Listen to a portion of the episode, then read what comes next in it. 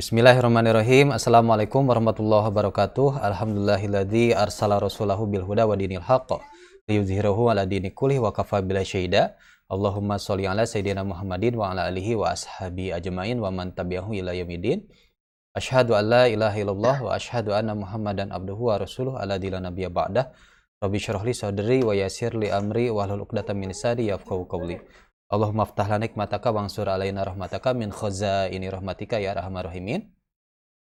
Allahumma ya muqallibal qulubi tsabbit qulubana ala dinik. Allahumma ya musarrifal qulubi sarif qulubana ala taatik.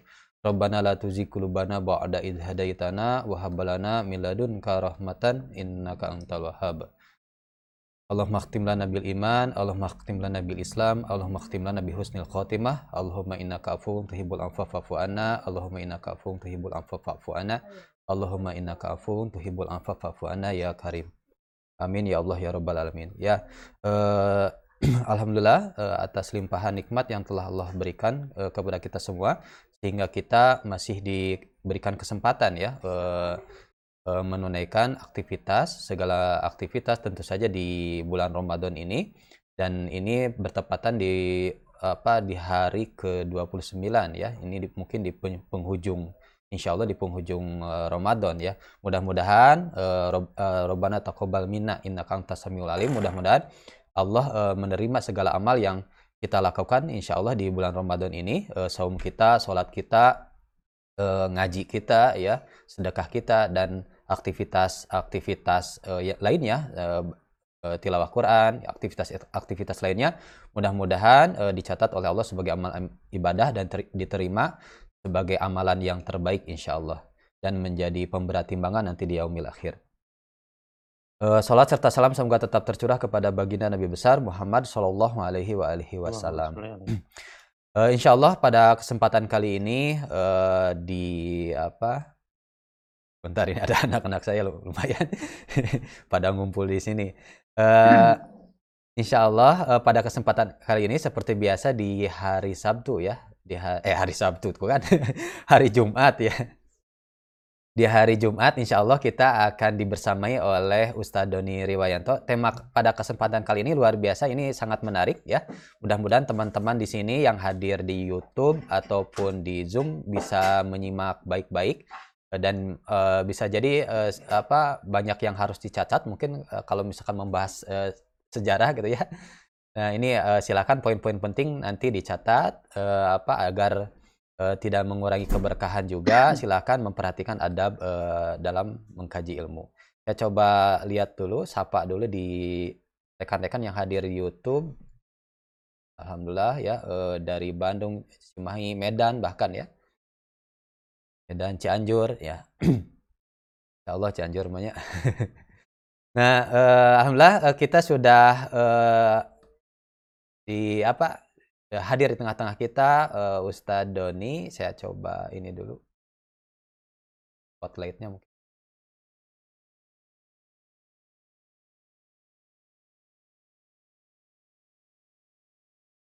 Ya, kita masuk Ustadz Doni. Assalamualaikum Ustadz. Waalaikumsalam warahmatullahi ya. wabarakatuh. Duh, backgroundnya ini ya, uh, tempo dowilo. ya, menyesuaikan. menyesuaikan. Bajunya juga itu. Bajunya juga. ya, uh, sehat ya Ustadz ya. Insya Allah, ya Alhamdulillah. Mudah-mudahan senantiasa dikaruniakan kesehatan dan keberkahan ya. Tentu saja keberkahan yang paling utama mudah-mudahan. Uh, baik, uh, seperti yang sudah uh, ini uh, sudah disampaikan ke rekan-rekan uh, apa di teman-teman uh, komunitas ngaji subuh ya. Uh, sekarang kalau subscribernya udah seribu sudah masuk komunitas kan bisa posting segala ini ya segala macam gitu ya. ini ya. Mungkin Ustadz uh, apa temanya terkait sejarah dan peradaban atau eh benih Islam di Nusantara ya uh, nanti yang akan ya, disampaikan betul. ya. Tapi ini membahas itu. Luar biasa ini sangat menarik. Mudah-mudahan rekan-rekan banyak yang tertarik juga dan silahkan yang di YouTube uh, boleh men-share, like, komen, silahkan. Nanti boleh uh, mencatat uh, ini apa poin-poin penting dalam materi boleh di ini di kolom komentar ya. Silahkan. Baik, uh, Ustadz untuk mengefektifkan waktu silahkan. Tafadol. Baik, terima kasih. Assalamualaikum warahmatullahi wabarakatuh. Assalamualaikum. Nahmaduhu wa nasta'inuhu wa nastaghfiruh wa na'udzu billahi min syururi anfusina wa min a'malina. May yahdihillahu fala mudilla lahu wa man yudlil fala Asyhadu an la ilaha illallah wa asyhadu anna Muhammadan abduhu wa rasuluh. Allahumma shalli wa sallim wa barik ala sayyidina Muhammad wa ala alihi wa. Alhamdulillah jamaah ngaji subuh akhir Ramadan ini masih diberi kesempatan untuk mengkaji ilmu yang runut uh, peradaban. Allah pagi ini kita akan membahas tentang benih Islam di Nusantara. Sebelumnya, salawat dan salam semoga selalu tercurah kepada kita, Nabi Agung Muhammad Sallallahu Alaihi Wasallam, kepada keluarga, sahabat, tabiin, tabiin, dan semoga kita semua menjadi pengikut beliau yang kelak mendapatkan syafaat di yaumil kiamah. Baik, uh, Wan yang dirahmati Allah, kita akan memulai pembahasan pagi ini benih Islam di Nusantara.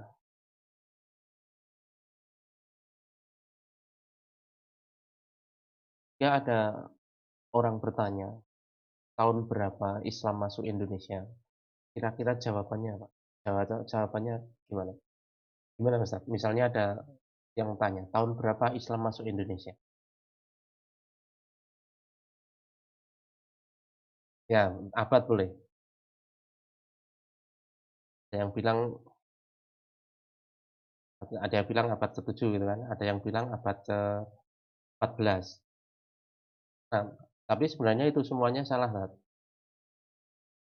Ya, karena ketika Islam masuk itu Indonesia belum ada. kan gitu kan. Berarti bukan tahun berapa Islam masuk Indonesia. Tahun berapa Indonesia berdiri di tengah masyarakat yang sudah Islam kan gitu kan. Harusnya begitu kan. Pertanyaannya kurang tepat. Nah, berarti uh, kita akan perbaiki nih pertanyaannya. Sejak tahun berapa? Sejak abad keberapa Islam masuk ke Nusantara minimal gitulah. Karena belum menjadi Indonesia. Kalau kalau pertanyaannya gitu itu seolah Indonesia itu sudah ada sejak dulu gitu. Padahal kita harus sadar bahwa Indonesia itu baru ada tahun 1945. Artinya begini, bahwa uh, dari dulu ada masyarakat yang hidup di tanah ini itu ya di Pulau Jawa, Pulau Sumatera, Pulau Kalimantan itu dari dulu memang ada rakyat, ada umat yang hidup di atas itu. Tetapi kalau itu disebut Indonesia juga tidak bisa, karena Indonesia itu adalah sebuah nama negara, sebuah nama uh, apa uh, sebuah periode, di mana sebelumnya namanya juga sempat Taram, sempat Demak, sempat uh, apa uh, Mojopahit, sempat Sriwijaya dan lain sebagainya. Nah, kita gampangnya biar agak netral gitu Nusantara. Nusantara itu mewakili uh, baik itu ketika masa Sriwijaya, masa, uh, Mojopahit, masa Demak, masa Mataram, termasuk sampai ke masa Indonesia ini. Nah uh, menurut Seno Hurgronyo seperti yang ada di foto, Seno Hurgronyo kita tahu dia adalah, uh, seorang orientalis Belanda yang dikirim untuk, uh, mempelajari Islam, terutama Islam di Aceh sebetulnya, tapi kemudian perluas di Nusantara secara uh, umum. Uh, Nurgonyo mengatakan bahwa Islam masuk Nusantara ini melalui Gujarat, India, ke Samudra Pasai. Itu abad 13, yaitu tahun 1400-an. Ada beberapa versi. Versi ini sempat di uh, apa, dijawab oleh MK? Enggak. Uh, perjalanan masuknya Islam ke Nusantara itu tidak abad ke-13 dari Gujarat, tetapi dari Mekah langsung, yaitu pada abad ke-7. Abad ke-7 itu berarti uh, tahun 800-an ya. Nah, dari mana Hamka mendapatkan mendapatkan maklumat itu? Dia menggunakan, uh, catatan dari berita dinasti Tang. Di dalam catatan dinasti Tang itu menunjukkan bahwa pada tahun-tahun tersebut sudah ada hunian pedagang muslim di pantai barat Sumatera. Dan ini nanti juga digunakan oleh, eee, pendapat penda oleh orang lain, pendapat eee, catatan dari dinasti Tang ini digunakan oleh orang lain, tetapi, eee, mengatakan sumbernya berbeda. Misalnya sama-sama menggunakan data dinasti Tang, tapi Slamet Mulyana mengatakan bahwa, eee, Islam itu masuk ke Nusantara melalui China gitu, karena menggunakan catatan dinasti Tang. Jadi yang dicatat itu waktunya kapan, yang membawa siapa gitu. Sekali lagi Seno Hurgonyo mengatakan waktunya tahun, eee, 1400-an, kemudian, eee, melalui Gujarat, India. Data-data yang digunakan apa? Data-data yang digunakan, eee, sejarahnya Wali Songo. Kemudian, eee, eee, siapa, eee, Hamka, Buya Hamka mengatakan abad ke-7, tetapi lewat Mekah langsung. Kemudian sama-sama menggunakan dinasti Tang, abad ke-7, tetapi lewat Cina, bukan lewat Makkah gitu. Kenapa? Karena, eee, di sana dicatatkan bahwa, eee, tokoh-tokoh yang mengawali kebesaran Islam di Nusantara itu menggunakan bahasa Cina. Seperti Raden Raden Patah yang penguasa pertama Demak disebut sebagai Panembahan Jin. Kemudian eee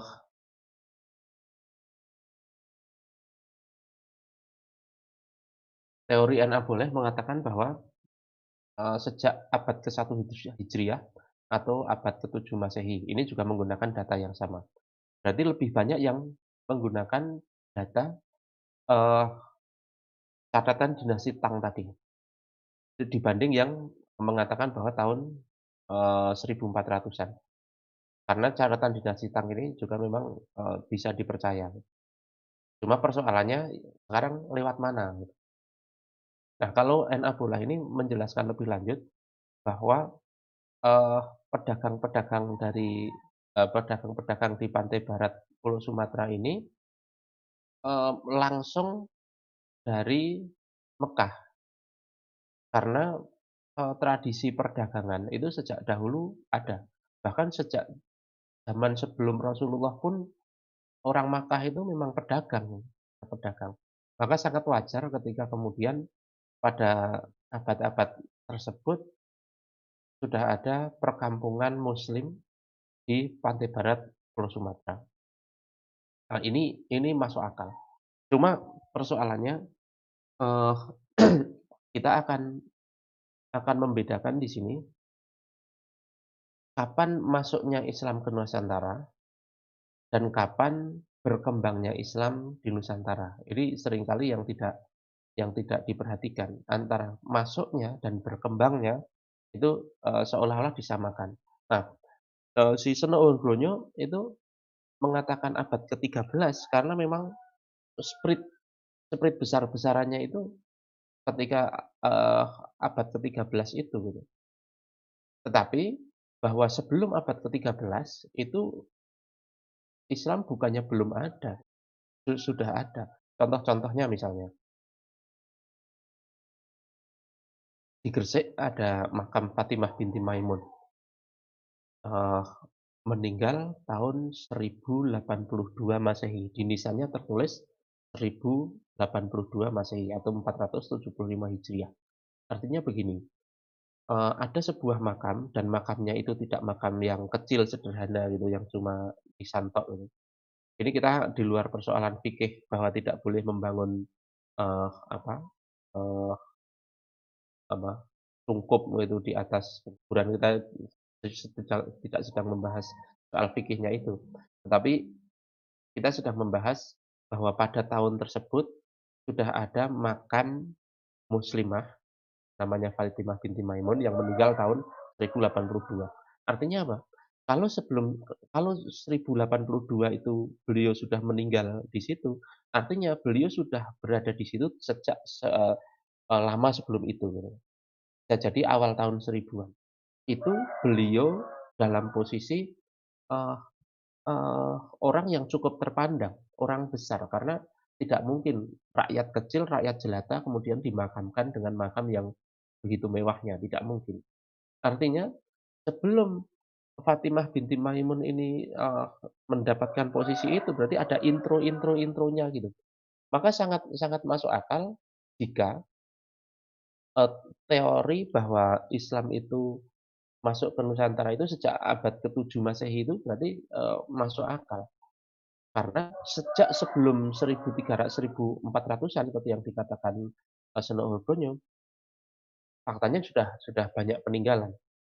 Nisan lain misalnya nisan Syekh, eee, Mukaiddin tahun ini bahkan tahun 670 Masehi. Nah ini Allahu a'lam, kita kita nggak tahu. 1670 Masehi ini kan ya berarti masih zaman sahabat ini kurang lebihnya. Nah tetapi, eee, kita akan mengabaikan dulu kontroversi-kontroversi semacam itu. Tapi artinya banyak artefak yang menunjukkan bahwa sebelum tahun 1400 seperti yang diklaim oleh Sunan Hurgonyo, Islam itu sudah ada dan artefak peninggalannya, eee, sangat banyak. Tadi ada makam, kemudian ada lagi ini, mata uang gobok. Mata uang gobok ini adalah mata uang yang dibuat dari tembaga. Uang ini, eee, beredar pada masa Kerajaan Mojopahit. Kerajaan Mojopahit itu, eee ya abad abad 13, 14 lah. Artinya sebelum, eee, Islam itu menjadi kekuasaan yang sangat besar, itu sudah ada, eee, apa namanya, eee, pengaruh Islam di sana. Nah, dari dari artefak ini ada orang-orang yang mengatakan bahwa, oh sebenarnya Majapahit itu Islam, Gajah Mada itu adalah Gajah Mada dan lain sebagainya. Itu itu juga tidak tidak benar juga. Artinya begini, bahwa, eee mata uang gobok yang beredar di Mojopahit itu bertuliskan Arab, lafadznya adalah lafadz, eee, kalimat syahadat, itu benar bahwa itu artefaknya benar. Tetapi bahwa rajanya masih Hindu itu benar. Berarti kemungkinannya seperti apa? Kemungkinannya rajanya masih Hindu, agama resmi kerajaannya masih Hindu, tetapi bisa jadi orang-orang penting di dalamnya itu sudah Muslim gitu. Sampai ada, eee, mata uang seperti itu kalau tidak ada orang penting di sana kan tidak mungkin. Jadi tapi bukan berarti juga bahwa Gajah Mada itu adalah Gajah Mada juga, enggak juga gitu. Lebih seperti itu. Nah, kita lanjutkan. Itu artinya bahwa, eee, teori Islam masuk ke Nusantara sejak abad ke-7 itu lebih masuk akal. Dan yang mengatakan bahwa Islam masuk abad ke-13 itu bukan salah, tetapi nanti bukan masuknya, tetapi menjadi besarnya. Jadi kita akan membedakan kapan Islam masuk dan kapan Islam membesar. Membesar menjadi agama mayoritas dan menjadi kekuasaan yang besar. Itu memang seperti yang dikatakan Seno Hurgonyo abad ke-13 tahun 1400-an. Nah, sekarang kita akan melihat peta politik internasional dari abad ke-10 sampai ke abad abad ke-13 itu. Kenapa saya melompat ke politik internasional? Begini, karena keadaan di suatu negeri itu tidak mungkin dilepaskan dari kondisi internasionalnya. Kalau kita ingin menganalisa, eee, suatu kejadian di suatu negeri pada masa itu, maka mau tidak mau kita harus, eee, melihat background internasionalnya. Bahkan ketika kita melihat perkembangan Islam kemarin di di Mekah, kita juga melihat politik internasionalnya. Ada ada Romawi, ada Persia, Romawi Barat, Romawi Timur, dan lain sebagainya. Begitu juga kita melihat, ketika Islam itu kemudian berkembang pesat abad ke-13, maka peta politik internasionalnya seperti apa? Nah, kita akan mencoba. Pertama, pada tahun-tahun itu, uh, Asia itu sedang sedang digegerkan oleh Genghis Khan yang memporak-porandakan berbagai uh, negeri, termasuk Abbasiyah yang begitu besar, begitu maju, kita sudah bahas kemarin, ketahuannya sangat luar biasa gitu kan. Tapi, takluk juga oleh oleh Genghis Khan. Kemudian, eee, di timur mulai muncul kekuatan Utsmani, Belik-Belik Utsmani sudah sudah mulai muncul. Kemudian nanti akhirnya ini membesar menjadi kekhilafahan terakhir Turki Utsmani seperti yang kita tahu. Kemudian eee, ini kan karena dari 10 sampai 13 ya, jadi jadi agak panjang. Kemudian di di China muncul dinasti Ming. Dinasti Ming ini nanti, eee, ada koneksinya juga dengan, eee, generasi keturunnya, eee, apa namanya, eee, Genghis Khan. Jadi menguasai menguasai China. Jadi yang yang unik itu begini, eee Mongol itu sempat menaklukkan Islam di, eee, Abbasiyah, tetapi kemudian anak cucunya Mongol ini justru memeluk Islam, memeluk Islam. Termasuk ketika, eee, mereka menguasai China, kemudian Isla ke ke ketika itu sudah sudah sudah, eee, memeluk Islam dan akhirnya Islam menjadi sangat sangat berpengaruh di sana. Dan pengaruh yang yang, eee, bisa kita lihat jejaknya sampai hari ini, yaitu ketika dinasti Ming mengirimkan Laksamana Zheng He atau yang di Jawa, di Nusantara ini kita kenal Laksamana Cheng Ho yang apa, eee, peninggalannya ada di Semarang, ada di Surabaya, dan lain Itu adalah bentuk, eee, semacam, eee, pengembalian nama baik.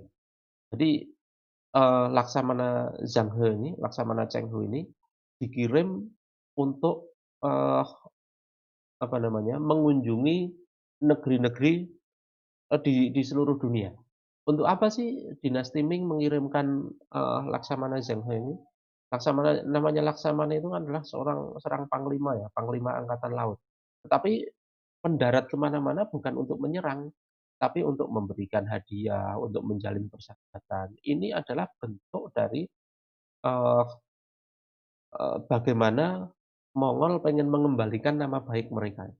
Kalau dulu mereka ke mana-mana itu menghancurkan, kali ini mereka me menebus dengan ke mana-mana memberi hadiah, kemudian, menjalin hubungan baik. Dan yang menarik yang dikirim adalah seorang Laksamana China beragama Islam, Laksamana Zheng He, di mana kapal yang digunakan itu luar biasa, besarnya luar biasa. Kalau kita bandingkan dengan kapalnya Columbus, itu seperti sekocinya. Kapalnya Columbus itu seperti sekocinya, eee, Laksamana Zheng He. Jadi kebesaran timur itu, eee, luar biasa waktu itu. Kalau hari ini kita melihat seolah-olah dari dulu barat itu yang, eee, super power itu, enggak, pada barat super power itu pada zaman modern. Tapi kalau pada zaman itu tidak sama sekali.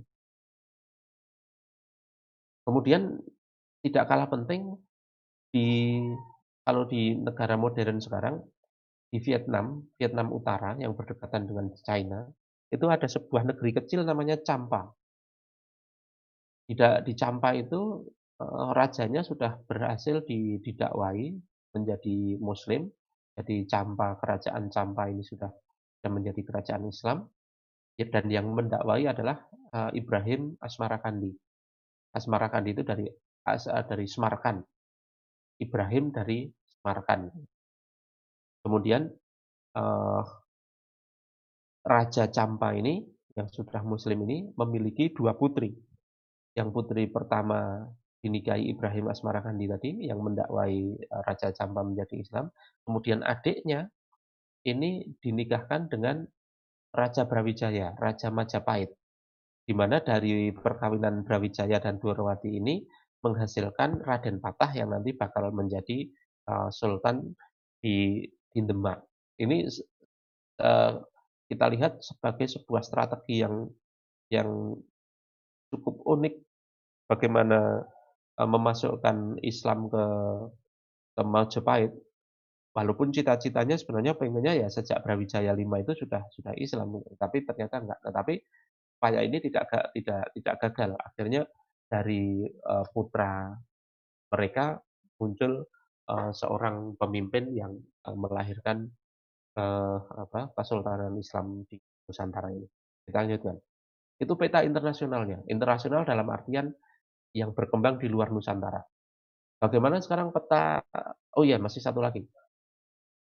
Uh, yaitu ketika, uh, kerajaan Katolik Portugis uh, dan Spanyol mengadakan, uh, perjanjian Tordesillas, di mana Portugis itu diberi, uh, wilayah, Eropa ke timur, sementara Spanyol Spanyol diberi kekuasaan, Eropa ke barat. Kekuasaan itu maksudnya apa? Kekuasaan untuk menduduki, karena menurut mereka semua tanah yang belum beragama Katolik disebut terra nullius dan mereka, uh, uh, berhak untuk menduduki itu, menduduki tanah-tanah itu dan itu disebut tanah yang tidak bertuan dan mereka akan mendirikan peradaban di situ. Nah ini sangat penting, ini, uh, tonggak yang akan mengawali, uh, kolonialisasi dan imperialisme di, uh, di seluruh dunia, itu adalah Tordesillas. Nah sekarang kita masuk ke peta politik di Nusantara abad 10 sampai ke 13. Di Jawa sudah ada, uh, Singosari dengan rajanya Kertonegoro dan ada Kediri, Jayakatwang. Nah ini cukup menarik. Uh, pada suatu masa ketika Mongol itu pengen menguasai seluruh dunia, mereka tahu bahwa, Malaka, uh, selat yang sangat penting, dari dulu sampai sekarang selat yang sangat penting. Itu dikuasai oleh Singosari. Dan sebagai penakluk dunia, mereka akan sangat turun wibawanya kalau Singosari tidak berhasil ditaklukkan. Maka, uh, Mongol mengutus uh, utusannya menge me me menemui Kertanegara dan menuntut, uh, untuk tunduk untuk takluk pada Mongol. Sementara Kertanegara tidak mau. Kertanegara tidak mau, menolak menolak untuk tunduk. Termasuk menolak untuk membayar pajak kepada Mongol. Malah, uh, si utusan Mongol ini yang konon namanya Mengki, itu dipotong telinganya, itu di dalam ketoprak-ketoprak itu dulu sering diceritakan, dipotong telinganya, kemudian surat balasannya itu diselempitkan di telinga itu, kemudian disuruh pulang kembali. Nah, ketika pulang kembali, uh, apa, Mongol ngamuk, uh, melihat utusannya diperlakukan demikian, oh sangat sangat berang. Kemudian diutus kembali, sudah tidak lagi duta tetapi pasukan. Pasukan diutus kembali untuk menaklukkan, uh, Singosari. Tetapi, waktu itu kan perjalanan sangat lama ya, tahun lah, dari dari apa, uh, Asia Tengah itu, Asia Asia Timur itu ke ke Jawa, itu perjalanan setahun. Nah, di dalam waktu setahun Mengki kembali, kemudian setahun lagi, kan berarti dua tahun ya, setahun lagi pasukan Mongol kembali ke Jawa, itu terjadi banyak hal. Dan yang terjadi adalah ketika Jayakatwang uh, memberontak kepada Kartanegara dan Kartanegara uh, apa Singosari runtuh. Si anaknya uh, menantunya Kartanegara Raden Wijaya itu uh, uh, apa uh, lari gitu. Nah, yang menarik begini. Kemudian uh, pasukan Mongol kan datang lagi. Ketika pasukan Mongol datang lagi, Datang sampai ke Jawa, dan mereka kan tidak tahu, nggak ada foto, nggak ada informasi apa-apa kan. Mereka mencari Kertonegoro, mencari kerajaan Singosari mau ditaklukkan. Dan ketika ke ke Jawa, pasukan itu ke Jawa, ketemunya siapa? Ketemunya Wijaya, Wijoyo. Nah, oleh Wijoyo itu dikatakan, "Oh, yang orang yang, uh, apa, uh, mempermalukan duta kalian, itu orangnya itu. Dan yang ditunjuk siapa? Jaya Katwang karena Jaya Katwang kan sudah, uh, memberontak kepada Singosari kan. Padahal si yang yang mempermalukan kan Kertanegara, dan Kertanegara itu yang di dikudeta oleh Jaya Katwang. Lah yang yang mengatakan itu menantunya Kertanegara, ini kan lucu. Akhirnya apa? Uh, apa, pasukan Mongol ini, uh, dibantu oleh Wijaya menaklukkan Jayakarta, sampai akhirnya Jayakarta runtuh. Jayakarta yang me me merebut Kertanegara, Singosari dikalahkan oleh, eee eee, apa, Mongol dan Wijaya. Kemudian eee, ini licik nih, li licik banget. Kemudian, eee, hasil kemenangan itu, eee, pasukan Mongol diundang makan malam gitu kan. Kemudian sama Wijaya, karena namanya undangan makan bersama kan, mereka pa pasukan kan nggak bawa nggak bawa senjata. Ketika masuk situ, harusnya perjamuan makan, eee, mereka dibantai. Mereka dibantai, kemudian lari tunggang langgang dan, eee, Wijayalah yang menang. Ini nanti yang menjadi apa, eee, cikal bakal Majapahit. Nah eee, ini menjadi momen sejarah yang luar biasa ini di di sejarah internasional. Bagaimana Mongol itu bisa menaklukkan negeri-negeri besar, tetapi tidak pernah bisa menaklukkan Jawa. Ini cukup, eee, cukup menjadi kebanggaan orang Jawa. Kan nggak banyak yang yang yang apa, eee eee, menang melawan Mongol. Kemudian di di apa, eee, Jawa Barat sekarang, eee, muncul Pajajaran, Prabu Siliwangi. Nanti, eee, masing-masing, eee, kerajaan yang kita paparkan ini memiliki, eee, apa, eee, memiliki dampak dengan, eee, pertumbuhan Islam selanjutnya. Kemudian yang paling sering dibangga-banggakan adalah ini, eee, Majapahit. Yaitu ketika, kekuasaan Majapahit ini meliputi yang, area biru ini, area biru, seperti Jawa Tengah, Jawa Timur, kemudian seluruh, Sumatera, kemudian, Malaka, Semenanjung Malaka yang sekarang jadi Malaysia itu, termasuk, apa, Sarawak, Kalimantan Utara itu, yang sekarang jadi Malaysia juga. Kemudian pesisir-pesisir Kalimantan, tengah-tengah Kalimantan enggak, karena waktu itu belum kan masih masih berupa hutan belantara. Kemudian sampai ke Bali, itu secara yang secara apa, eee, direct. Kemudian yang kekuasaan secara tidak langsung, kekuasaan satelitnya itu ya bahkan sampai ke, eee, apa, Papua. Nah, gitu. Tetapi yang unik apa? Yang unik Sunda Galuh itu tetap tetap tidak berada di dalam kekuasaan Majapahit.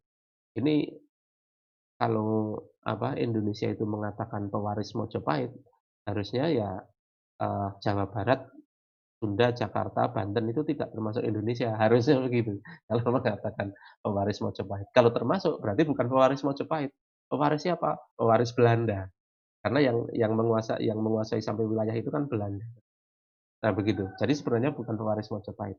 Nah ini yang yang kemudian nanti oleh sejarawan-sejarawan barat dikatakan sebagai puncak, eee eee, apa namanya, puncak, eee, kejayaan Nusantara. Tetapi ini adalah kebohongan dari barat, kebohongan dari kenapa? Karena setelah ini kekuasaannya jauh di atas itu, jauh di atas, eee, Majapahit. Mari kita lanjutkan. Nah, Majapahit ketika itu, eee, pada akhir masanya ketika, eee, Brawijaya V itu, itu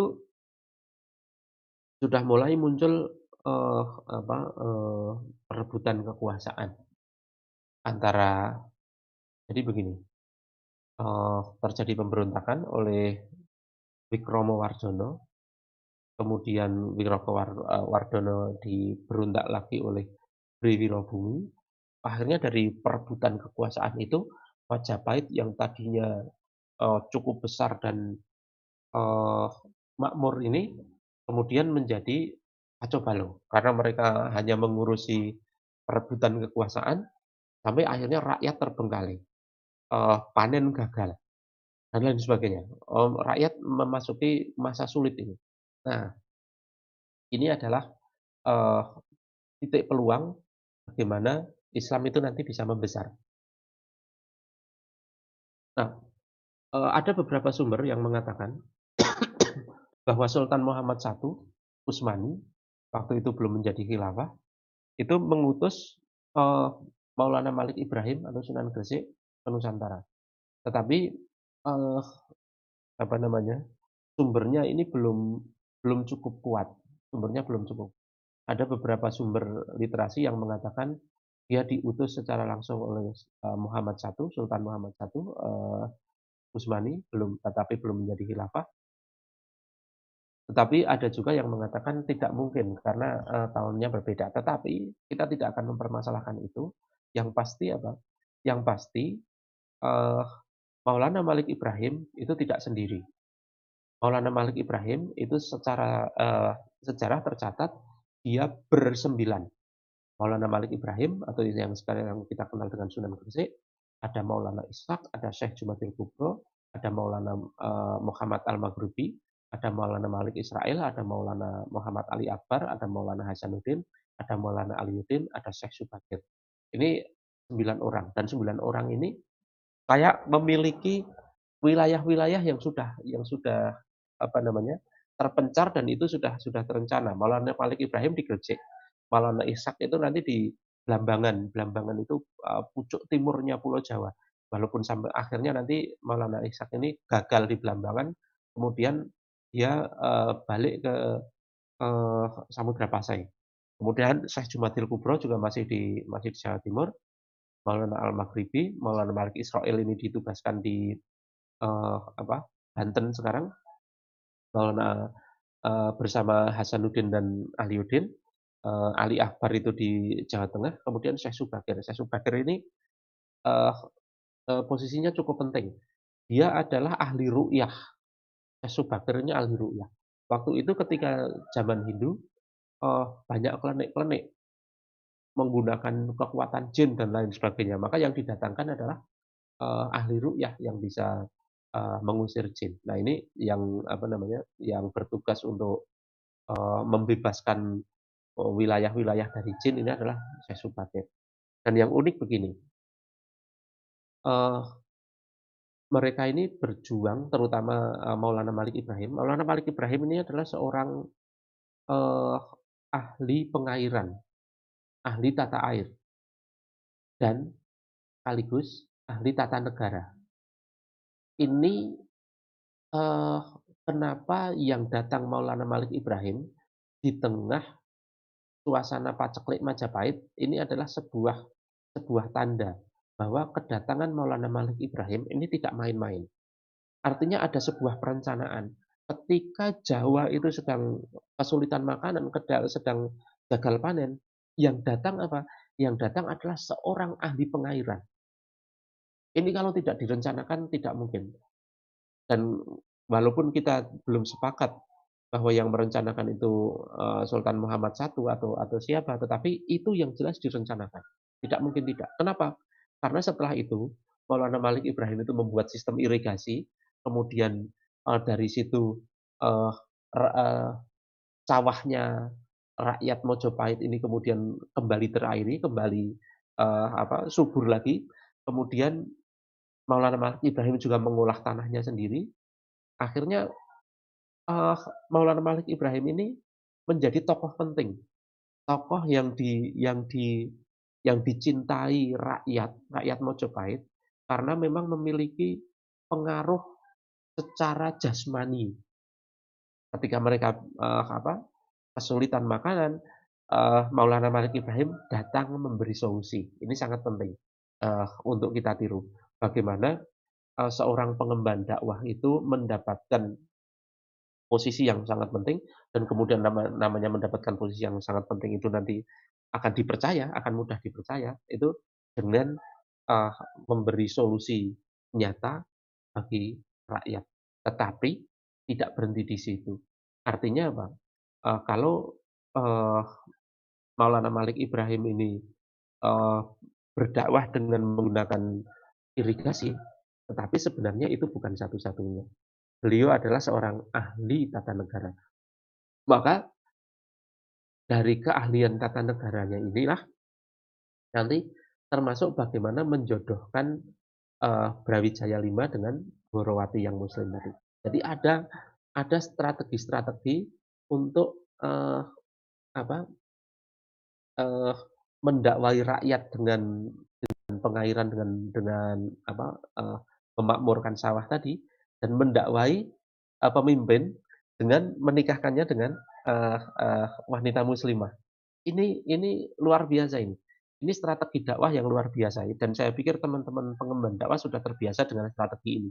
Bagaimana kita, eee, berdakwah di kalangan rakyat, tetapi juga mengambil peluang di penguasanya, kurang lebih seperti itu. Nah, yang menarik lagi, eee dewan, eee, apa, 9 orang ini, 9 orang yang diutus untuk, eee, apa, eee, berdakwah di Nusantara ini, dia tidak tidak hanya 9 orang itu berhenti, tapi ketika ada seorang meninggal, dia digantikan dengan yang lain. Contoh misalnya ketika ini, eee, Maulana Malik Ibrahim ilustrasinya, tapi tentu saja itu cuma ilustrasi ya, nggak tahu benernya seperti itu atau enggak, nggak tahu. Nah, ketika Maulana Malik Ibrahim ini meninggal, dia digantikan oleh Raden Rahmat. Raden Rahmat ini, eee, apa namanya, eee, putranya Syekh Jumadil Kubro. Kemudian dia, eee, menggantikan posisi Maulana Malik Ibrahim, eee, memimpin 9 orang tadi. Artinya apa? 9 orang, 9 wali yang kita kenal sekarang dengan Wali Songo, itu adalah sebuah dewan, bukan person, tapi dewan. Ketika ada seorang meninggal, posisinya akan digantikan dengan lain, karena dengan orang lain. Karena ini yang penting adalah dewannya ini, bukan bukan personnya. Nah, ketika Maulana Malik Ibrahim meninggal, dia digantikan dengan Raden Rahmat. Raden Rahmat ini nanti punya, eee, apa, eee, saudara Raden Santri dan lain sebagainya yang nanti menjadi, eee, Sunan Giri. Kemudian yang cukup penting di sini adalah Raden Rahmat ini mencoba mendakwahi kembali Brawijaya. Tetapi Brawijaya tetap kekeh, dia tidak mau, dia tetap masih Hindu. Tetapi intinya apa? Tidak menghalangi dakwahnya Wali Songo. Ini yang cukup menarik. Uh, uh, apa, uh, Brawijaya, Brawijoyo, itu menolak untuk masuk Islam, tetapi tidak menghalangi dakwah Islam. Oleh karena itu nanti tidak difutuhat. Nanti kalau di dalam di dalam sejarah Islam kan kita mengenal itu, kalau didakwahi itu mau, maka tidak difutuhat. Kalau didakwahi tidak mau, maka difutuhat. Kenapa kemudian, uh, apa, uh, Nusantara ini tidak difutuhat dalam artian bukan Nusantara secara keseluruhan. Uh, Mojopahit ini tidak difutuhat karena, uh, mereka tidak menghalangi dakwah Islam, maka tidak difutuhat. Nah, akhirnya apa? Uh, Raden Rahmat ini justru diberi tanah yang cukup luas di di Ngampel, nah sekarang Ngampel Surabaya itu, kemudian mendirikan, uh, pesantren di sana. Sekarang sekarang menjadi Masjid Sunan Ampel ini, termasuk makamnya beliau ada di sana yang sampai hari ini untuk apa, ziarah seperti itulah, uh, kita pernah kita, bisa melihatnya. Nah, dari sinilah nanti, Raden Rahmat ini atau Sunan Ampel ini, menciptakan kader-kader yang sangat kuat. Jadi petanya begini, Maulana Malik Ibrahim datang, membuka jalan, mengambil hati rakyat. Kemudian meninggal, datang berikutnya Raden Rahmat. Kita ini ngomong pemimpin-pemimpinnya terus ya, pemimpinnya Wali Songo yang kedua, generasi kedua. Kemudian sudah sudah sudah mendapatkan hati rakyat, sudah mendapatkan hati penguasa, kemudian uh, mendapatkan uh, uh, step yang lebih tinggi lagi yaitu membuat pondok membuat pesantren. Nanti pesantren ini menciptakan kader-kader. Seolah-olah itu kayak apa, uh, Rasulullah, uh, datang uh, apa, memulai dakwahnya di Darul Arqam, kemudian, uh, mencetak uh, mencetak, uh, kader-kader gitu. Cuma kalau Rasulullah ini, uh, satu person gitu, kalau Wali Songo ini, uh, beberapa orang yang bekerja sama. Ketika Raden Rahmat, uh, memimpin itu uh, jajaran di bawahnya masih sama. Maulana Ishaq, Syekh Jumadil Kubro, Maulana Al-Maghribi dan lain sebagainya itu masih sama. Kemudian setelah itu Maulana Malik Israel dan Maulana Muhammad Ali Akbar meninggal. Ini yang di apa di Banten, kemudian diganti dengan uh, Ja'far Sotik atau uh, Sunan Kudus, kemudian nanti di di Kudus, kemudian Syarif Hidayatullah. Nanti ini Syarif Hidayatullah ini adalah uh, putranya Prabu Siliwangi. Kalau putranya, eee, Brawijaya V, Mojopahit ini nanti jadi jadi apa, eee apa, eee, sultan di Demak, eee, Syarif Hidayatullah ini, Sunan Gunung Jati ini putranya Prabu Siliwangi jadi jadi kita melihat ini, kita melihat apa, pola-pola pola-pola perjuangan beliau-beliau ini, melalui orang tuanya, orang tuanya tidak berhasil, anaknya, generasinya, dan itu hampir semuanya berhasil. Eee, kerajaan-kerajaan besar itu akhirnya putra-putranya itu menjadi muslim dan, eee eee, melanjutkan kekuasaan beliau. Kemudian Raden Paku eee eee, siapa, Maulana Ishak ini meninggal, digantikan Raden Paku. Ini, eee, put eee, adiknya Raden Rahmat, adiknya Sunan Ampel. Raden Paku ini kemudian diberi kekuasaan di Giri, Paku sempat Raden Paku sempat, eee, belajar juga di Ampel. Eee, kemudian eee, apa namanya, eee, ke ke Giri, di Giri ini nanti membuat pesantren juga, dan pesantren ini sudah sudah sudah berbeda dengan Ngampel. Bedanya apa? Kalau Ngampel itu pure pesantren seperti yang kita lihat hari ini. Kalau, eee, pesantrennya Sunan Giri, ini sudah semi negara. Sudah semi negara, ada struktur kekuasaan di dalamnya, ada strategi-strategi di dalamnya, meskipun kekuasaannya tidak besar. Karena nanti, eee, dari desain Sunan Giri inilah lahir, eee, apa, eee, Demak. Termasuk, eee, Makdum Ibrahim, Sunan Bonang yang juga terintegrasi dengan, eee, Raden Paku, Sunan Giri, kemudian, eee, mendesain bagaimana putranya Brawijaya V ini, eee, mendirikan kerajaan di Demak. Nah ini, eee, peta yang hari ini, eee eee, apa, eee, beredar. Tetapi ini ini tidak tidak tidak cukup penting karena, se sejatinya adalah eee, Wali Wali Songo itu adalah banyak sekali, tidak tidak tidak hanya yang tertera di gambar ini. Tapi yang perlu saya sampaikan di sini adalah akhirnya perjuangan per per perjuangan Wali Songo ini melahirkan, eee, apa namanya, apa yang mereka cita-citakan, yaitu apa, berdirinya Kesultanan Demak. Nah, sekarang kita lihat seperti ini. Kalau ada orang mengatakan bahwa, eee, Wali Songo itu berjuang dengan irigasi, dengan Sunan Bonang itu dengan dengan gending-gending Jawa, dengan kesenian, kemudian Sunan Kalijogo dengan kesenian, betul. Tetapi itu semua adalah cara dakwah, pendekatan dakwah. Kalau kita mungkin mengenalnya dengan uslub. Tetapi ada goal di sana, ada thoriqoh yang yang yang men menuju pada satu puncak pencapaian. Puncak pencapaiannya apa? Mendirikan Kesultanan Islam. Dan setelah Kesultanan Islam berdiri itu, Demak berdiri itu, nanti, eee, apa namanya, yang tadinya umat Islam di Nusantara ini ada tetapi masih tidak banyak, sedikit, itu kemudian menjadi biar banyak banget yang yang masuk Islam. Sampai 95% masyarakat Nusantara ini muslim. Apa apa pembukanya, pintu pembukanya? Kuasaan, kesultanan, kurang lebih seperti itu. Jadi ini ini yang akan saya sampaikan tadi. Bedakan antara tahun berapa, abad berapa Islam masuk Nusantara, dan abad keberapa Islam menjadi besar di Nusantara. Jadi abad ke-7 itu Islam masuk ke Nusantara, dan abad ke-13 Islam menjadi mayoritas. Bagaimana bisa menjadi mayoritas? Karena mereka berhasil mendirikan negara.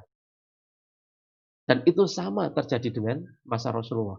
Masa Rasulullah ketika tidak mendirikan negara, cuma ya para sahabat yang di Mekah itu, begitu mendirikan kedaulatan di Madinah, mendirikan negara di Madinah, nanti dalam jangka tidak sampai 100 tahun, itu sudah seluruh jazirah Arab itu sudah menjadi kekuasaan Islam. Dalam waktu 200 tahun berikutnya, dari Spanyol sampai India itu sudah muslim semua. Luar biasa ini. Berarti apa? Dakwah itu ya memang seperti itu. Dakwah itu, eee, pertama itu dengan apa, uslub-uslub yang apa, bisa merangkul rakyat, kemudian menjawab tantangan-tantangan rakyat, tetapi juga tidak berhenti di situ, sampai akhirnya mendirikan kedaulatan. Nah ini kalau ada teman yang mengatakan, "Mbok kamu itu kalau dakwah itu, eee, kayak Wali Songo yang lembut." Oh ya ayo, dakwah kayak Wali Songo lembut, tapi jangan cuma diambil lembutnya tok, kita dirikan Kesultanan Islam, nah kan gitu kan. Kalau kalau ada orang yang ngajak ngajak dakwah seperti Wali Songo, ya ayo kita dirikan negara Islam kalau memang ngajak dakwah seperti itu. Faktanya seperti itu. Nah, ini ini yang menarik. Pada tahun uh, 2015, uh, yaitu ketika apa namanya Kongres uh, Kesultanan Nusantara itu Sri Sultan Hamengkubuwono mengatakan dalam pidato beliau ini itu di YouTube banyak itu rekamannya.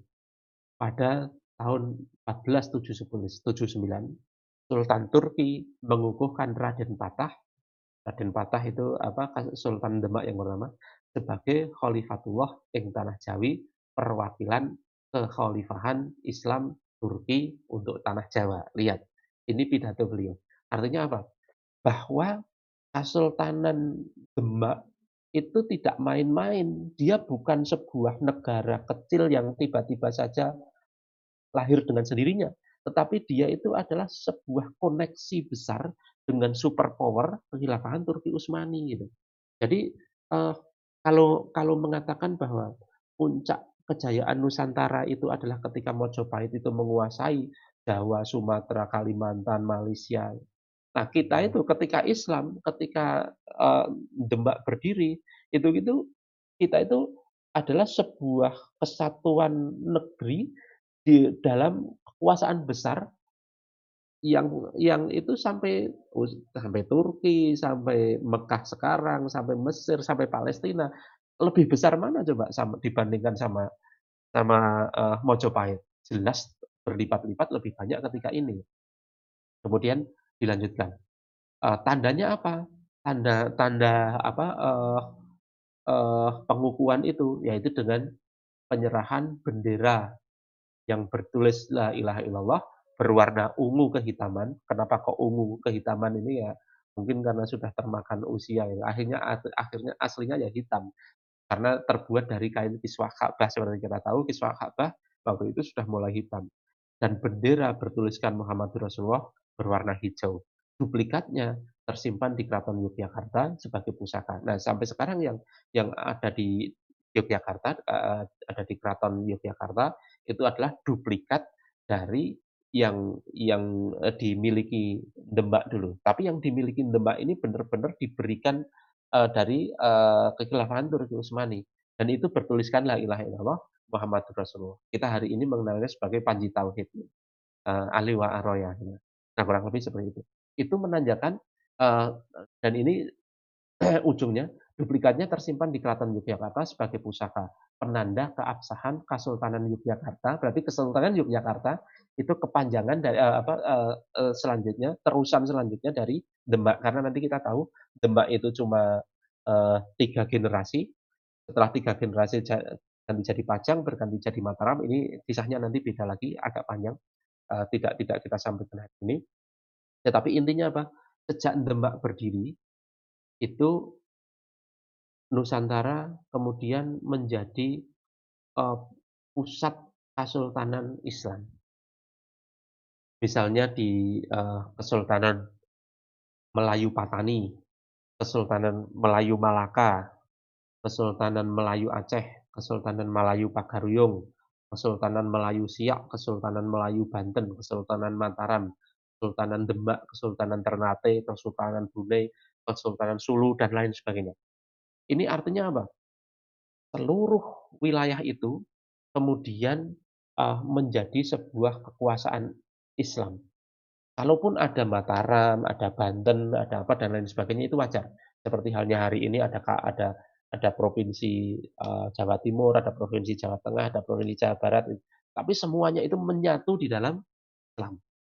Dan namanya kesultanan itu pasti diatur pakai syariat Islam itu sudah pasti, tidak mungkin tidak. Uh, perkara apakah apa uh, Apakah syariatnya itu udah kafah atau belum itu perkara lain gitu ya. Tetapi artinya bahwa mereka dengan sadar menerapkan syariat Islam. Nah, kurang lebih seperti itu. Nah, inilah uh, uh, pelajaran yang bisa kita ambil bahwa Islam itu akan menjadi besar. Ya, pelajaran yang pertama ya, Islam itu dakwah Islam itu akan merengkuh uh, demikian banyak manusia secara efektif itu ketika mewujud dalam negara. Dan itu sudah dibuktikan Rasulullah dan itu juga uh, dibuktikan secara sama oleh Wali Songo. Lebih seperti itu. Nah, yang kedua, yang kedua bahwa puncak kejayaan Nusantara, peluasan kekuasaan Nusantara itu tidak pada masa Mojopahit. Ini memang memang di uh, wacana ini didesain oleh oleh Barat untuk menghilangkan jejak Islam. Padahal ketika dikuasai Islam itu uh, wilayah Nusantara ini menjadi satu kesatuan dengan superpower Turki Utsmani. Bagaimana ketika uh, jejak-jejaknya juga masih ada. Bagaimana ketika uh, Aceh diserang Portugis, itu kemudian uh, dibantu oleh armada Turki Utsmani dan lain sebagainya. Itu sudah sudah uh, sangat masyhur uh, di sejarah. Nah, yang perlu saya sampaikan berikutnya uh, ketika masa uh, Sultan Agung yaitu sudah mulai Mataram ya, Demak, Pajang kemudian Mataram. Ketika Mataram ini ketika yang apa puncaknya adalah ketika Sultan Agung. Nah, Sultan Agung ini seperti kita tahu dua kali menyerang Batavia, menyerang VOC di Batavia. Nah, ini nanti akan nyambung ke ini, akan nyambung ke sejarah kebangkitan nasional. Uh, nyambungnya begini, bicara di sejarah kebangkitan nasional, perjuangan-perjuangan Sultan Agung, perjuangan Diponegoro, perjuangan Imam Bonjol dan lain sebagainya, itu disebut sebagai perjuangan kesukuan. Tapi ini juga narasi narasi Barat yang yang uh, apa uh, memotong memotong sejarah Islam. Ini bukan sejak ini bukan perang kesukuan penyerangan apa uh, Sultan Agung ke Batavia itu ber, bukan perang kesukuan gini. Pertanyaannya begini. Waktu Sultan Agung memimpin Mataram, Batavia itu di bawah kekuasaan Mataram atau tidak? Kan tidak. Batavia itu ya kekuasaan tersendiri, negara tersendiri yang dikuasai oleh VOC, bukan kekuasaannya Mataram. Kalau kemudian Mataram menyerang VOC, itu tidak sedang menyerang penjajah. Kalau menyerang penjajah itu kan begini, mereka punya negara namanya Mataram. Kemudian Belanda VOC datang ke Mataram, menduduki Mataram. Nah, mereka berjuang untuk mengusir Belanda dari Mataram kan begitu. Faktanya kan bukan bukan begitu. Mereka itu uh, negaranya Mataram, kemudian ada VOC berkuasa di di Batavia, kemudian diserang oleh uh, apa namanya Sultan Agung. Berarti ini apa? Ini bukan sedang mengusir penjajah, tapi apa? Ini sedang memfutuhat. Sedang memfutuhat Batavia yang dikuasai oleh kafir, kan begitu kan? Nah, nanti kalau kita lihat bahwa di Nusantara ini terjadi futuhat, futuhat itu betul. Nanti uh, Demak pernah memfutuhat, uh, apa namanya, uh, Sultan Agung Mataram pernah memfutuhat. Semua semua yang sudah berwujud negara ini pernah melakukan futuhat-futuhat. Dan yang melakukan futuhat memang bukan Wali Songo, karena karena Wali Songo waktu itu belum memiliki kedaulatan. Mereka tidak akan pernah memfutuhat. Iya betul, tidak akan pernah memfutuhat itu. Tetapi mereka apa? Mendirikan negara. Begitu negaranya berdiri, mereka menfutuhat. Uh, Sultan Agung memfutuhat uh, VOC di Batavia nanti semua semuanya seperti itu. Nah, uh, inilah apa namanya? Bagaimana Islam itu masuk ke Nusantara mulai dari masuk secara individual, kemudian diorganize oleh uh, Wali Songo dan pengutusnya Wali Songo. Mungkin kita bisa mengatakan sementara adalah uh, Sultan Muhammad I Turki Utsmani sudah mulai berpikir jauh beliau uh, mengutus Wali Songo. Kemudian Wali Songo ini membuat sebuah, sebuah strategi dakwah yang sangat cemerlang yang sampai akhirnya berhasil mendirikan kesultanan uh, di Nusantara. Dan kesultanan pertama itu adalah Demak, dan Kesultanan Demak itu nanti uh, melahirkan kesultanan-kesultanan yang lain, kemudian uh, uh, apa namanya uh, akhirnya melakukan futuhat-futuhat terhadap uh, POC terhadap Belanda. Ini sejarah yang yang perlu kita pahami bahwa kita itu uh, sejak dahulu sejak nenek moyang kita itu sudah terbiasa dengan syariat, sudah terbiasa dengan Islam dan puncak kejayaan Nusantara itu bukan berada pada masa Mojopahit, tetapi ketika uh, berada di dalam kekuasaan Islam. Demikian Ustadz, eee, saya kembalikan kepada panjenengan, mungkin ada dis monggo. Ya, eee, baik, rekan-rekan di sini yang, di YouTube ataupun di chat atau ataupun yang di Zoom bisa silakan bertanya ya. Ini sangat ini ya, sangat menarik ya. Jadi poin penting yang dibahas di sini, mungkin yang perlu diambil ibrohnya itu kan memang ada, fase masuk ya, fase penyebaran atau perjuangan mungkin ya. Nah, yang betul. dikenal tuh justru, eee, di sejarah tuh ya, emang di buku-buku sejarah di abad ke-13 atau 14 itu yang yang justru itu sudah, eee, apa, diraih lah misalkan, betul. eee, ya kekuasaan atau kesultanan, mungkin yang dikenalnya itu gitu ya, Betul. diberikan gitu ya. Nah, eee, mungkin ini ya, di YouTube mungkin ya, di YouTube. Saya lihat dulu di chat YouTube ya, Ustadz. Ada yang bertanya sih, eee, di ini, di YouTube. Nah, ini ada yang bertanya dari Muhammad Sanusi ya. Assalamualaikum. Tanya Ustadz, apakah Kesultanan di Jawa atau Nusantara otomatis sebagai bagian provinsi kekhilafahan Islam? Baik, eee, begini, jadi, eee, pada masa itu, teknologi komunikasi dan teknologi transportasi itu belum seperti sekarang. Bayangkan saja bagaimana, eee eee, Romawi Barat dan Romawi Timur yang tidak terlalu jauh antara Itali dan, eee, apa, eee, Turki yang sekarang, eee, Roma Roma dan, Konstantinopel itu kan tidak terlalu jauh kan. Itu pun mereka tidak bisa mengendalikan, eee, secara direct sampai akhirnya, eee, dipecahlah menjadi 2 negara, Romawi Barat dan Romawi Timur. Itu dengan kondisi, eee, teknologi transportasi dan teknologi komunikasi masih sama.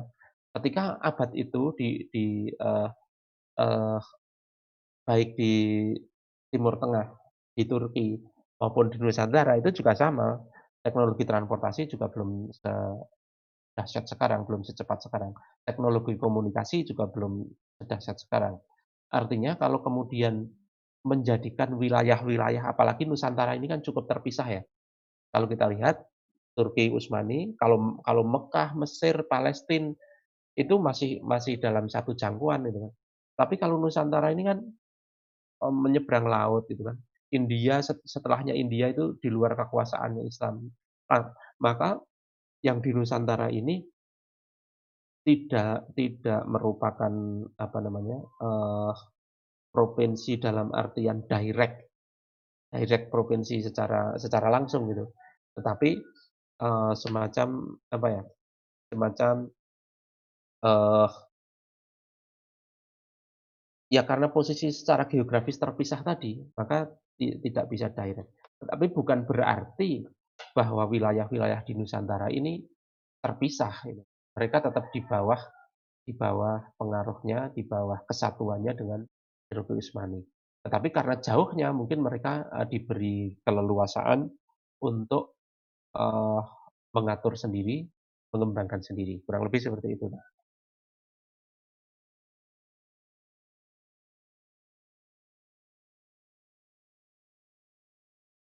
Saya ini apa, ditemani krucil di depan jadi agak harus mute unmute ini. Iya, Mohon maaf, ah, kalau ada ini noisy suara anak-anak ini emang nggak apa-apa. Nah ini, eee, ada yang mau bertanya secara langsung sebenarnya Akhi Sihi Afrahi ya, saya coba ini dulu ya. Assalamualaikum, silakan. Waalaikumsalam warahmatullah. Silakan kalau ada yang ditanyakan. Iya iya. Eee, tadi diceritakan bahwa Maulana Malik Ibrahim kalau tidak salah ya, Iya, eee, datang ke Jawa itu sebagai ahli perairan gitu. Eee, yang ditanyakan adalah, eee, apakah eh, itu kan menyikapi kondisi katanya, menyi menyikapi kondisi Majapahit yang sedang paceklik. betul. Apakah memang karena kurun pacekliknya Majapahit itu yang terlalu lama, sehingga, eee, Islam ataupun khilafah Islam bisa mengetahui gitu di tanah Jawa itu sedang terjadi paceklik, makanya yang dikirimkan adalah Maulana Malik Ibrahim sebagai ahli, eee, perairan gitu? Ataukah memang informasinya memang cepat gitu, memang cepat ke khilafah Islam sehingga bisa gerak cepat untuk mengirimkan segera Maulana Ibrahim. Mungkin itu dulu saja. Terima kasih. Assalamualaikum. Sama dengan pertanyaan di YouTube ya. Waalaikumsalam warahmatullahi wabarakatuh. Jadi mungkin begini, uh, bahwa mau membuat sebuah uh, mau membuat sebuah gerakan dakwah yang terstruktur di Nusantara itu sudah direncanakan lama. Saya yakin seperti itu. Nah, artinya bahwa uh, apa uh, pusat-pusat kekuasaan Islam di baik waktu itu masih di Turki maupun sebelumnya masih di Baghdad itu sudah sudah mengamati wilayah-wilayah uh, Nusantara ini. Uh, bagaimana masyarakatnya, bagaimana karakter masyarakatnya, itu saya yakin sudah dipelajari jauh hari sebelumnya. Kenapa sampai yang dikirim itu uh, ulama-ulama Syafi'iyah itu juga juga uh, artinya sudah ada sudah ada uh, pelajar sudah ada studi sebelumnya yang yang lama. Dan uh, apa paceklik ini cukup lama karena paceklik ini kan mungkin sebelum sebelum pacekliknya terjadi mereka juga juga sudah memperkirakan akan terjadi paceklik. Kenapa? Karena ada perang perang tadi. Perang Paregreg ini juga cukup lama, ini perang yang yang bertahun-tahun. Nah, otomatis uh, kalau kalau yang saya ceritakan tadi mengirim uh, apa Mongol ngirim pasukan ke Jawa itu bisa perjalanan setahun dua tahun itu kan yang dikirim pasukan itu lama. Tapi kalau yang dikirim kabar kan bisa bisa lebih cepat dari itu kan. Karena kabar itu lebih ringan dibanding dibanding seperangkat pasukan. Jadi dengan kondisi bahwa perang Paragreg itu berjalan cukup lama dan namanya perang Paragreg itu pasti nanti akan mengabaikan rakyat dan kemungkinan itu akan ada paceklik itu itu udah udah, udah bisa diprediksi kan. Kemudian yang dikirim itu adalah seorang Syafi'iyah yang uh, relatif lebih lebih mudah masuk ke karakter masyarakat di Nusantara ini dan yang dikirim adalah seorang ahli ahli pengairan itu nah, saya, saya yakin bahwa uh, apa namanya prediksi-prediksi itu sudah sudah ter, sudah sudah mereka susun sebelum uh, benar-benar pacekleknya terjadi. Mungkin seperti itu. Kurang lebih. Monggo ada yang lain lagi?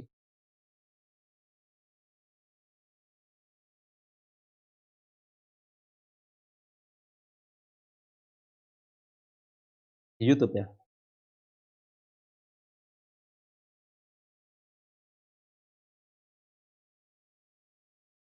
Baik. Baik. Mengapa kita harus belajar sejarah? Jadi begini. Kalau kita kita apa-apa yang kita lakukan hari ini itu pasti terkait dengan apa yang terjadi masa lalu dan apa yang akan terjadi di masa depan. Itu akan menentukan bagaimana kita hari ini. Eh, sebagai contoh, saya itu uh, akan menyayangi anak saya. Anak saya itu akan saya beri dana untuk sekolah, akan saya berikan pakaian, akan saya dan, dan lain sebagainya. Kenapa? Karena saya sadar bahwa dulu anak itu lahir dari rahim istri saya, yang istri saya itu hamil oleh saya, kan begitu. Makanya uh, bahwa hari ini saya mem membiayai anak saya itu karena terikat dengan masa lalu. Coba kalau bayangkan kalau saya ini tiba-tiba uh, amnesia. Amnesia, lupa bahwa itu anak saya. ini. Maka saya tidak akan mencintai anak itu. Tidak akan mencintai anak itu. Eh, kamu itu siapa ya? Ngapain aku harus membiayai kamu? Kan begitu. Karena apa? Karena terputus dengan masa lalu. Kita kita kita tidak tahu bahwa itu adalah anak-anak anak kita yang harus yang harusnya adalah tanggung jawab kita. Kurang lebih seperti itu. Jadi apa yang kita lakukan itu terkoneksi dengan apa yang yang terjadi di masa lalu. Nah, inilah uh, yang coba yang coba dipotong oleh penjajah. Ini juga menjawab pertanyaan-pertanyaan yang serupa tentang uh, kenapa kok kok sejarah yang kita pelajari di sekolah menjadi berbeda. Gitu kan. Itu karena memang sengaja dipotong gitu.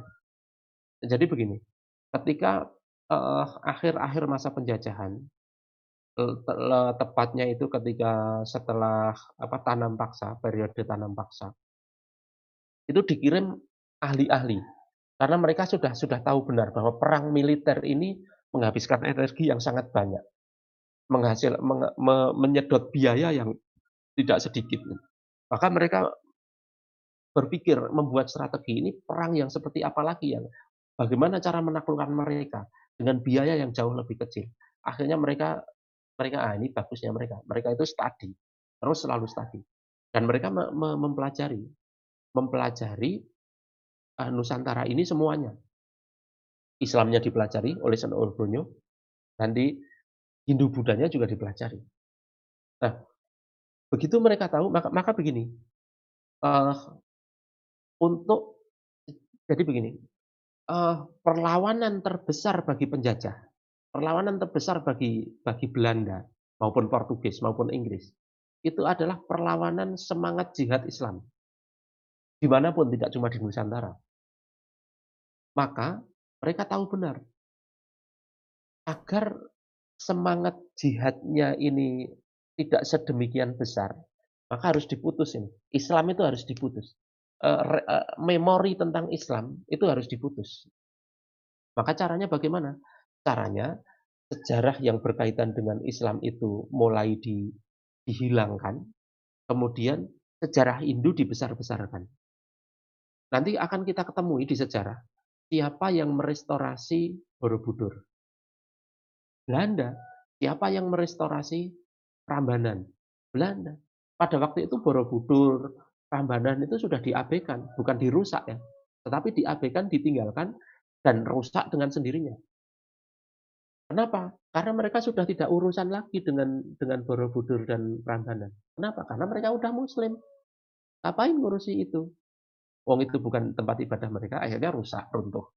Nah, ketika Belanda membuat sebuah strategi agar uh, apa uh, masyarakat Nusantara ini terlepas dengan semangat Islamnya, agar perjuangannya itu tidak tidak sebesar itu, semangat perjuangannya tidak semembara itu, maka dibangkitkanlah kembali apa ini lu kalian itu dulu besar dengan Hindu peninggalannya seperti ini, peninggalannya seperti ini, kurang lebih.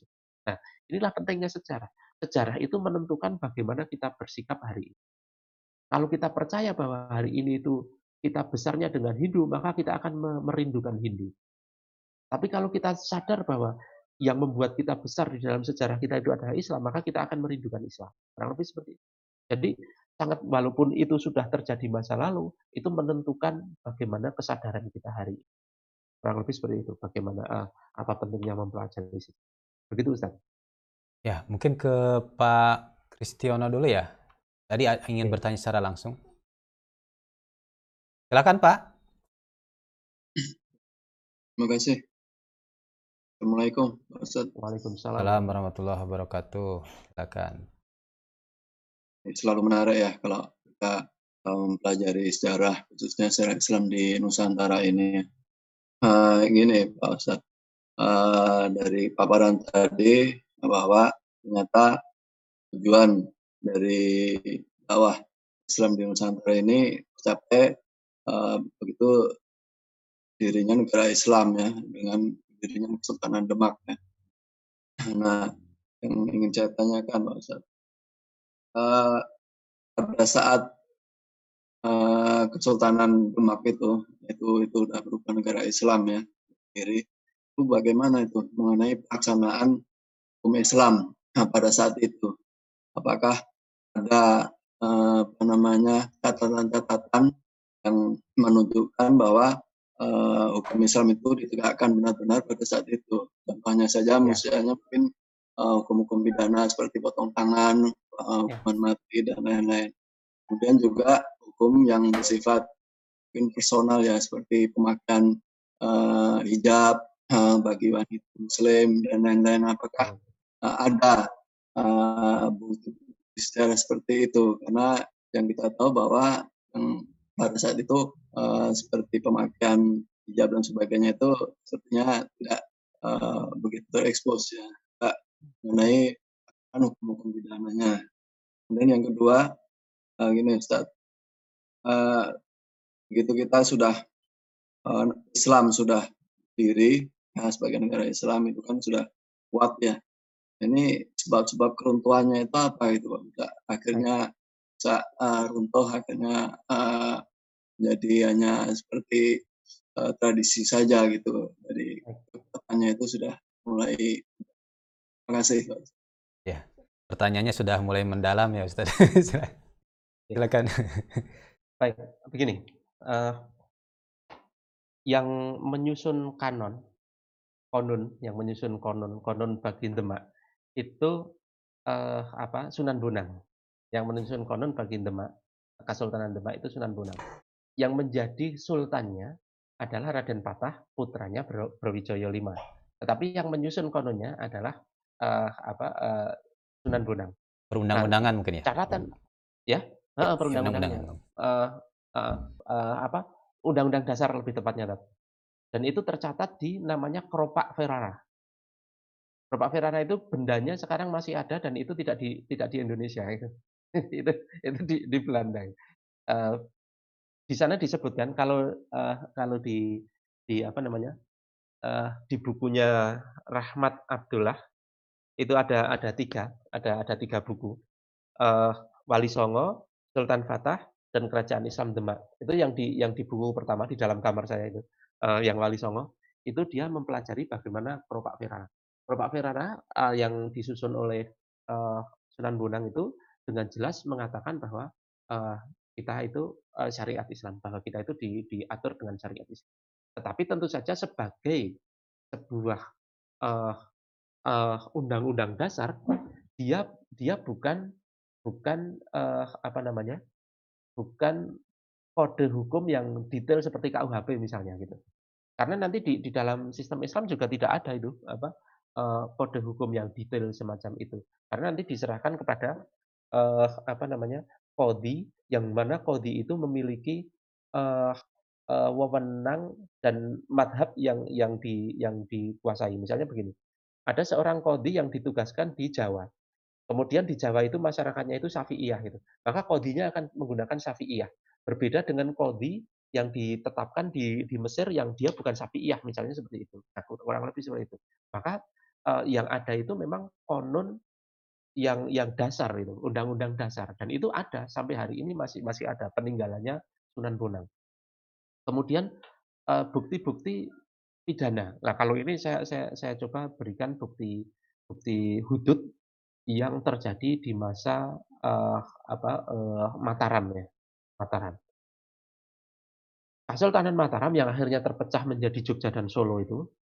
Nah, kemudian Solo, kemudian Jogja yang saya sendiri hidup di situ di sini, kemudian saya mencoba mendatangi, itu memiliki namanya Masjid Patok Negoro. Jadi uh, keraton yang ada di pusat kota itu di alun-alun, kemudian di apa baratnya alun-alun itu ada masjid gede itu adalah masjid pusatnya. Masjid pusatnya. Nanti ada di masjid pusat ini membawai masjid kecil di ujung-ujung negeri. Namanya Masjid Patok Negoro. Di ujung-ujung negeri itu ada Masjid Patok Negoro. Nah, Masjid Patok Negoro ini fungsinya sebagai apa?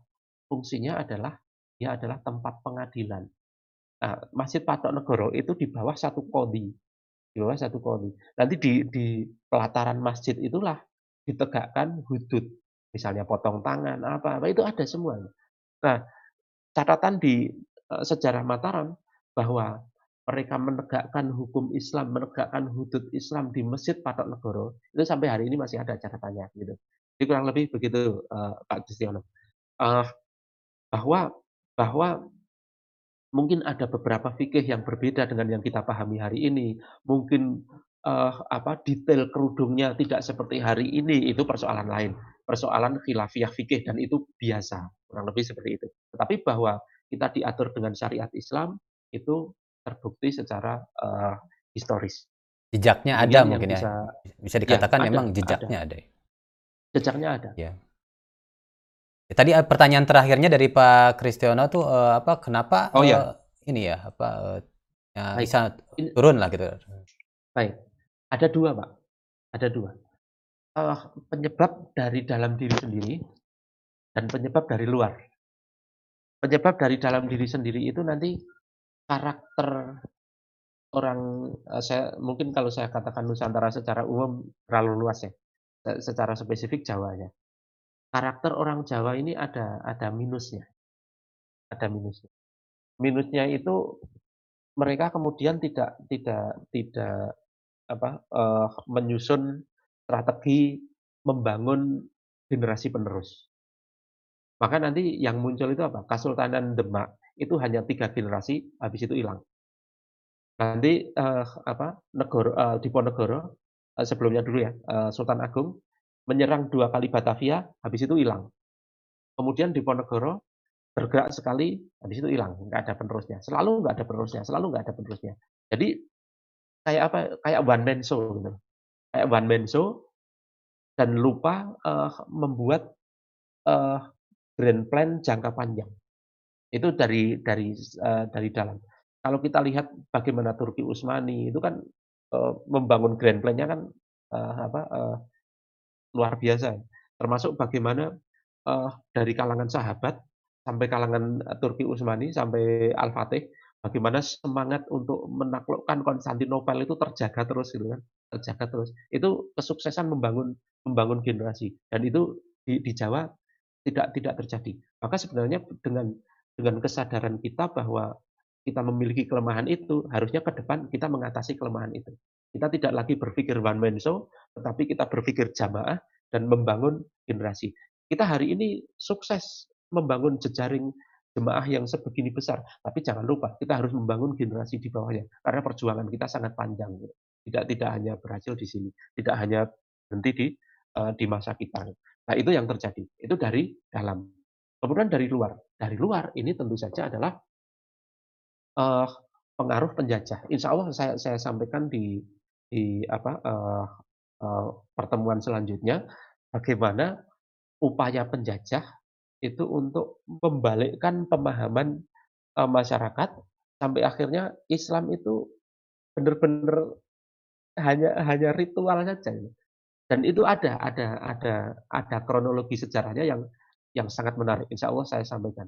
Kemarin sebenarnya sempat saya sampaikan tema yang mirip, itu di forumnya Paguyuban Mataram Islam, eee, kemarin hari apa, tanggal 20 sore menjelang maghrib, itu bagaimana kebangkitan nasional, narasi tentang kebangkitan nasional itu di diceritakan. Narasi tentang kebangkitan nasional itu narasinya begini, eee, dulu itu Nusantara itu berjuang secara, eee eee, kesukuan, kemudian muncul Budi Utomo. Budi Utomo ini membesarkan, eee, apa, rakyat ini dengan kesadaran nasional, kemudian muncullah negara besar namanya Indonesia dan lain sebagainya. Nah, ini ini narasi untuk memotong bahwa yang menjadi tonggak kebesaran Islam itu adalah Budi Utomo, sebelumnya itu adalah kecil, padahal enggak sama sekali. Waktu itu adalah Islam. Islam, Budi Utomo datang, berubah menjadi sekuler. Nah, kurang lebih seperti itu. Insya Allah, eee, di pertemuan mendatang saya bahas detail, eee, pembahasan ini. Ngoten, Mbak Kristiana, nuwun sewu kalau, Iya. eee, apa, belum lengkap. Ya ini mungkin ada pertanyaan selanjutnya dari Henry Indri ya. Mohon maaf ini agak berlebih nih waktunya sedikit karena ini lumayan ini ya eh, pembahasannya. Dari Henry Indri, keberadaan Sunan Kalijaga yang konon satu-satunya bukan utusan langsung dari Utsmani sehingga pada prakteknya dakwahnya beruslub pada akulturasi budaya. Yang disayangkan sekarang justru diuri-uri apa ya? Diuri-uri itu di apa ya, dilestarikan. Oh, bahasa apa? Bahasa Jawa atau apa? Bahasa Jawa. Oh, bahasa saya Bahasa nggak Jawa. ngerti. Hanya klinik dan simbol-simbolnya. Maka apakah hal ini tidak diantisipasi oleh para wali saat itu? Enggak, bukan bukan cuma bukan cuma apa, Sunan Kalijogo. Memang ada 2 aliran, eee, Sunan Kalijo apa, eee, Wali Songo itu. Ada aliran yang pokoknya Islam secara murni gitu kan.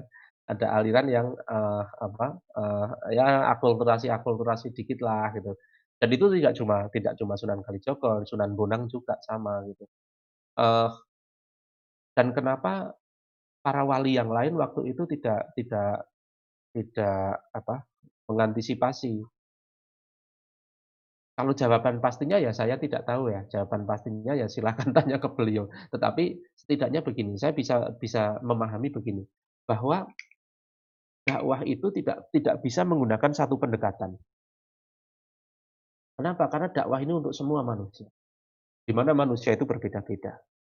Ada yang bisa didekati dengan model, eee, apa, eee, diajak diskusi. dibukakan pikirannya dengan debat. Ada yang enggak.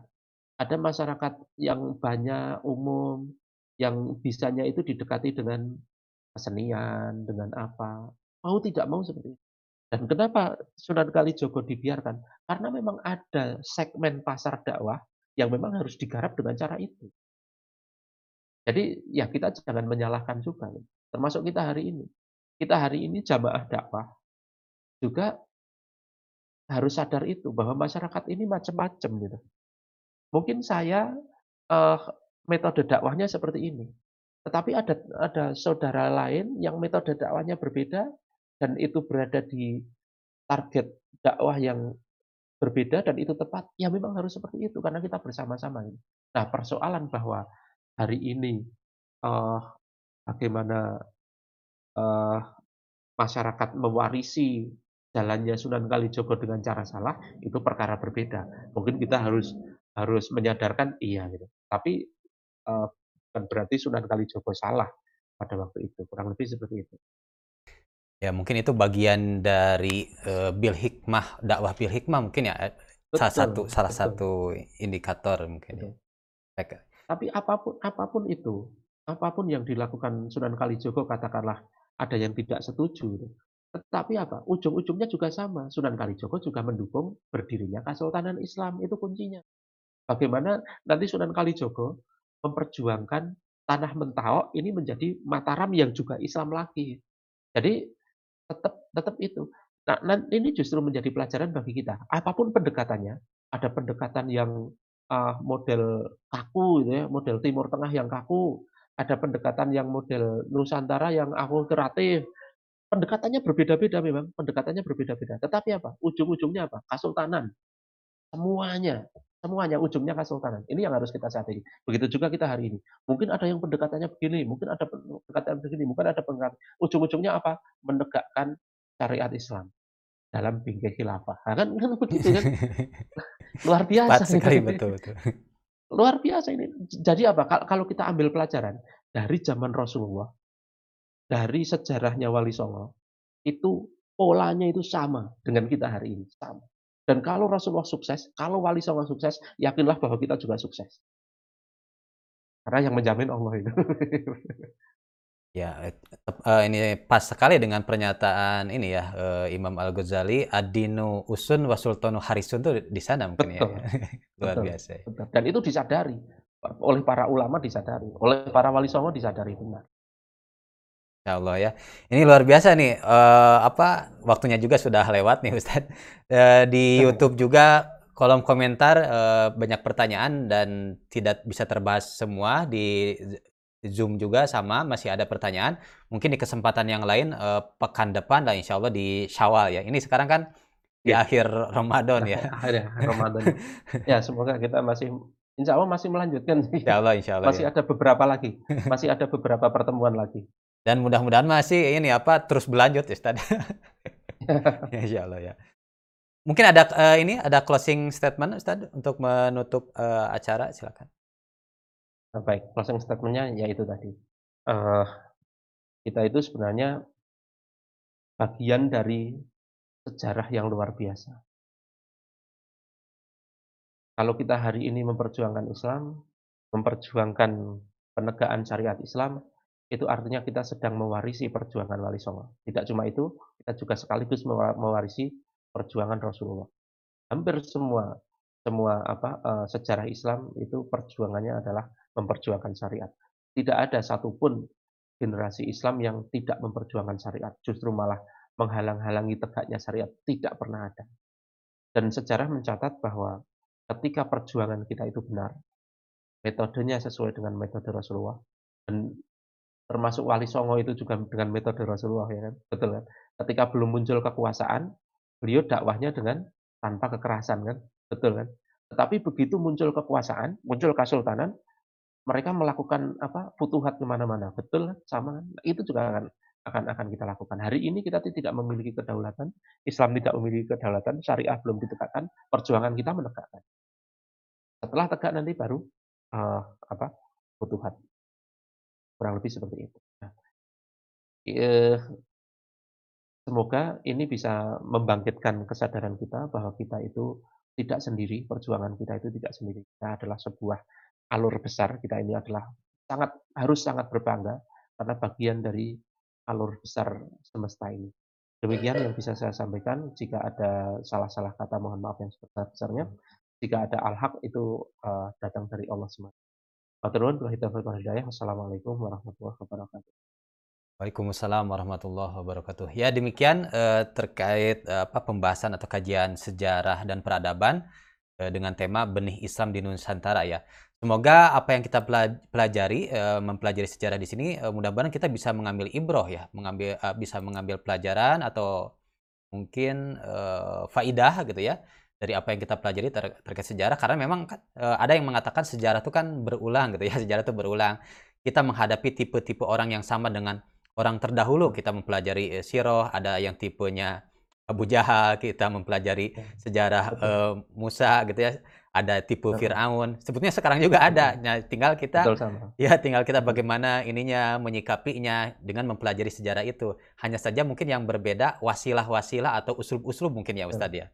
Ya. Betul, betul. Ya itu sih uh, apa uh, mungkin poin-poin penting uh, kenapa kita di sini ada uh, kajian sejarah dan peradaban dan mudah-mudahan nanti terus berlanjut karena uh, apa uh, uh, apa tadi yang seperti yang dikatakan tadi supaya kita bisa mengambil ibroh uh, atas sejarah yang terjadi atau siroh yang terjadi di masa lalu. Demikian apa yang kita bahas ya. Terima kasih uh, Ustadz Barakallahu Fik ya. Uh, mudah-mudahan Ustadz di, senantiasa dikaruniakan kesehatan, panjang umur dan uh, keberkahan. Uh, ini di penghujung Ramadan, uh, insya Allah gitu ya. Mudah-mudahan uh, kita senantiasa berharap, mudah-mudahan uh, Allah menerima segala amal kita ya. Taqabbalallahu minna wa minkum taqabbal ya karim. Amin ya Allah ya rabbal alamin. Uh, baik untuk menambah keberkahan kita tutup dengan membaca surat Al-Asr, hamdalah dan doa kifaratul majelis. A'udzubillahi minasyaitonirrajim. Bismillahirrahmanirrahim. Wal asr. Al insana